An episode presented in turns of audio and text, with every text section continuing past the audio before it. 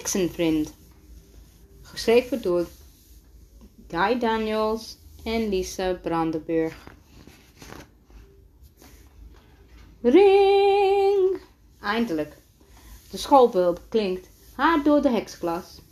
Alle kinderen springen meteen op en grijpen hun bezem. Tot morgen, roept juf Pompoen hen naar. En vergeet niet jullie nieuwe toversprook te oefenen. Heks Ella en haar broer Casper lopen samen naar de schoolpoort. Zullen we een wedstrijd houden? stelt Casper voor. Wie eerst bij ons voordeur is, wint. Elle, wacht even. Wacht eens even, zegt juf Pampoen. Ik wil je nu nog iets wat vragen. Oké okay, kom eraan, roept Elle vrolijk. Nieuwsgierig loopt ze naar het bureau van de heksenjuf. Morgen komt een nieuwe leerling in onze klas, legt juf Pompoen uit. Hij is behuisd. Vroeger woonde hij hier heel ver vandaan. Deze week is hij met zijn ouders bij jou in de buurt mogen wonen. Ik zou het leuk vinden als jij hem morgen met je bezem kunt ophalen. Dan kunnen jullie de eerste dag samen naar school vliegen. Zou, dat je, zou, dat, zou je dat willen doen?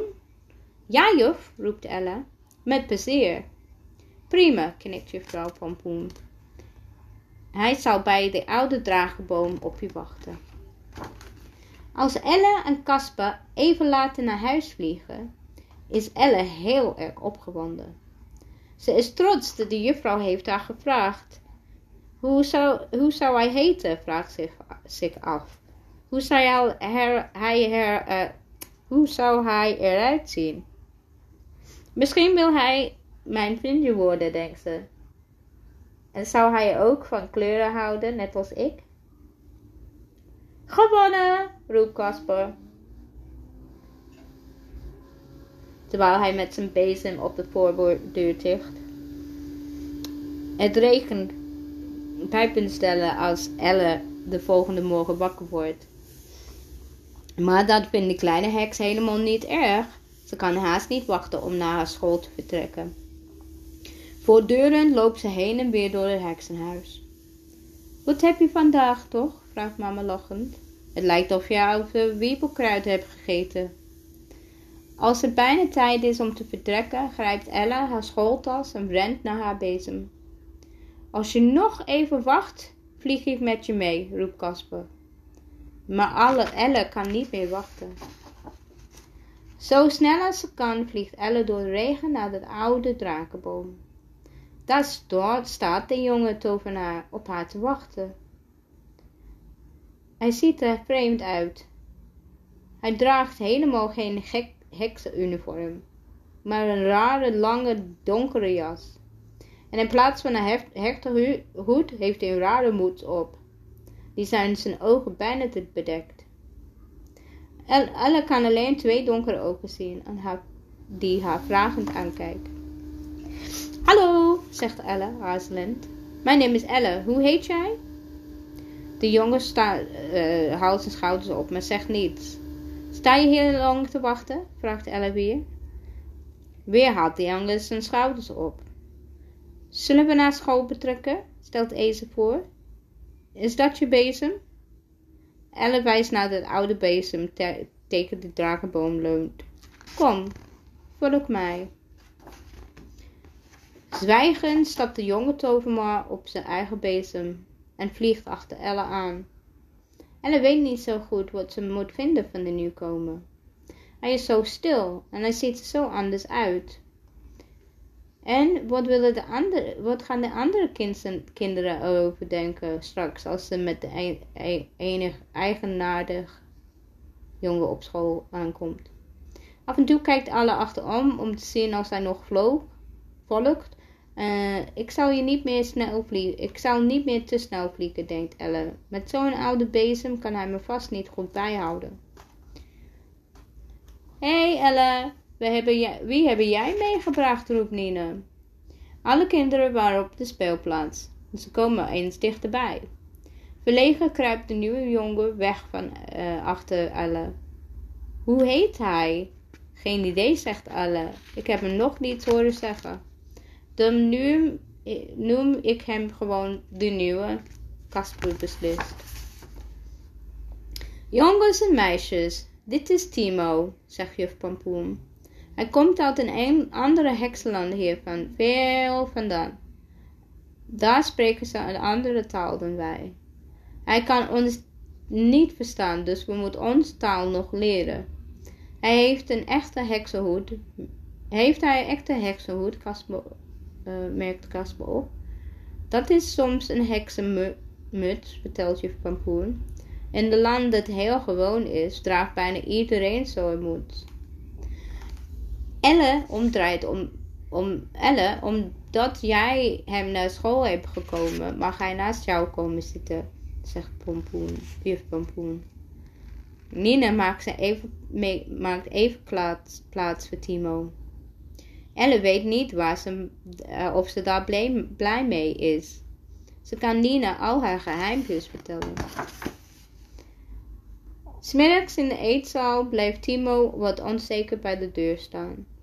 Pas als iedereen een plaatsje heeft, komt hij verlegen op de lege stoel naast Elle zitten. Elle doet haar broodtrommel open en haalt een lekkere boterham met paddenstoelpasta uit.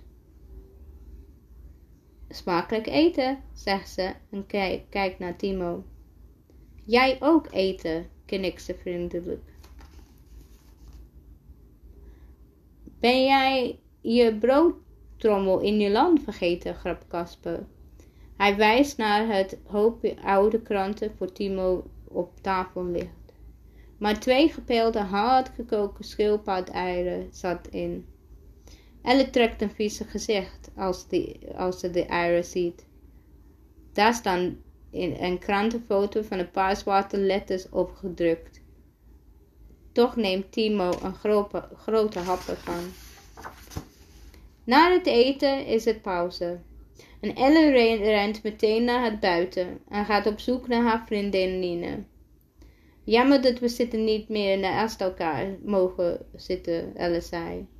Het is niet allemaal de schuld van Timo, fluistert Nina. Ik vind hem helemaal niet leuk. Mama vraagt Elle s'avonds aan tafel, moet ik morgen weer met Timo meevliegen? Hij zou weg naar school nu toch moeten zo kunnen vinden. Heb je dat aan niet aan juf Pampoen beloofd? vraagt mama. Jawel, zegt Elle, aarzelend, maar ik versta hem niet en de andere kinderen vinden me heel vreemd. Jullie moeten nog een beetje aan elkaar wennen, weet papa. Voor hem is het niet gemakkelijk. Hij is een tijdje hier en hij zal beter gaan. Denk je? zegt Alle. Hij lijkt me wel aardig, maar hij zegt nooit iets. Papa Tovenaar heeft gelijk. Die stille verlegen Timo leert iedere dag een paar nieuwe woordjes. Dat, Elle vindt, dat vindt Elle best knap. Ze vindt het ook dat hij mooi kan tekenen. Steeds vaker spelen ze met elkaar. En toch vindt Elle hem soms wel een beetje vreemd. Maar als zij een gekke gympakje weer draagt en is het een, of een raar spelletje speelt op het speelplaats. Ik iets vragen, zegt Timo verlegen, als ze op, op een dag samen in de speelplaats staan. Ja, zegt Ella vrolijk. Wat is er? Jij mij spelen morgen? vraagt Timo. Bedoel je of ik morgen met jou kom spelen? vraagt Ella. Timo schudt zijn hoofd. Nee, jij mij spelen morgen, herhaalt hij. Thuis mijn mama eten maken, bij Jom komen spelen? Ja, graag. Ik wil eens zien waar je woont. Zou je dat wel doen? vraagt Nina bezorgd. Misschien krijgt hij wel gekookte schildpad-eieren uh, met de foto erop. Hoe zou zijn huis eruit zien, vraagt Alice zich af, als ze s'avonds in bed ligt. En zouden de mama van papa en papa van Timo ook vreemde kleding dragen? En wat moet ik doen als ik echte eieren moet eten? Plots springt Elle op. Ik moet nog een cadeau hebben, roept ze opgewonden. Als je bij me iemand op bezoek gaat, is het altijd, moet je altijd een cadeautje meenemen. Dat was ik bijna vergeten. Of zouden ze in het land van Timo dat niet doen? Elle weet meteen welk geschenk ze wil tovenaar. Ze neemt de toverstap en zegt: Timpi, Tampe, tover, kramen. Ik wil iets leuks voor.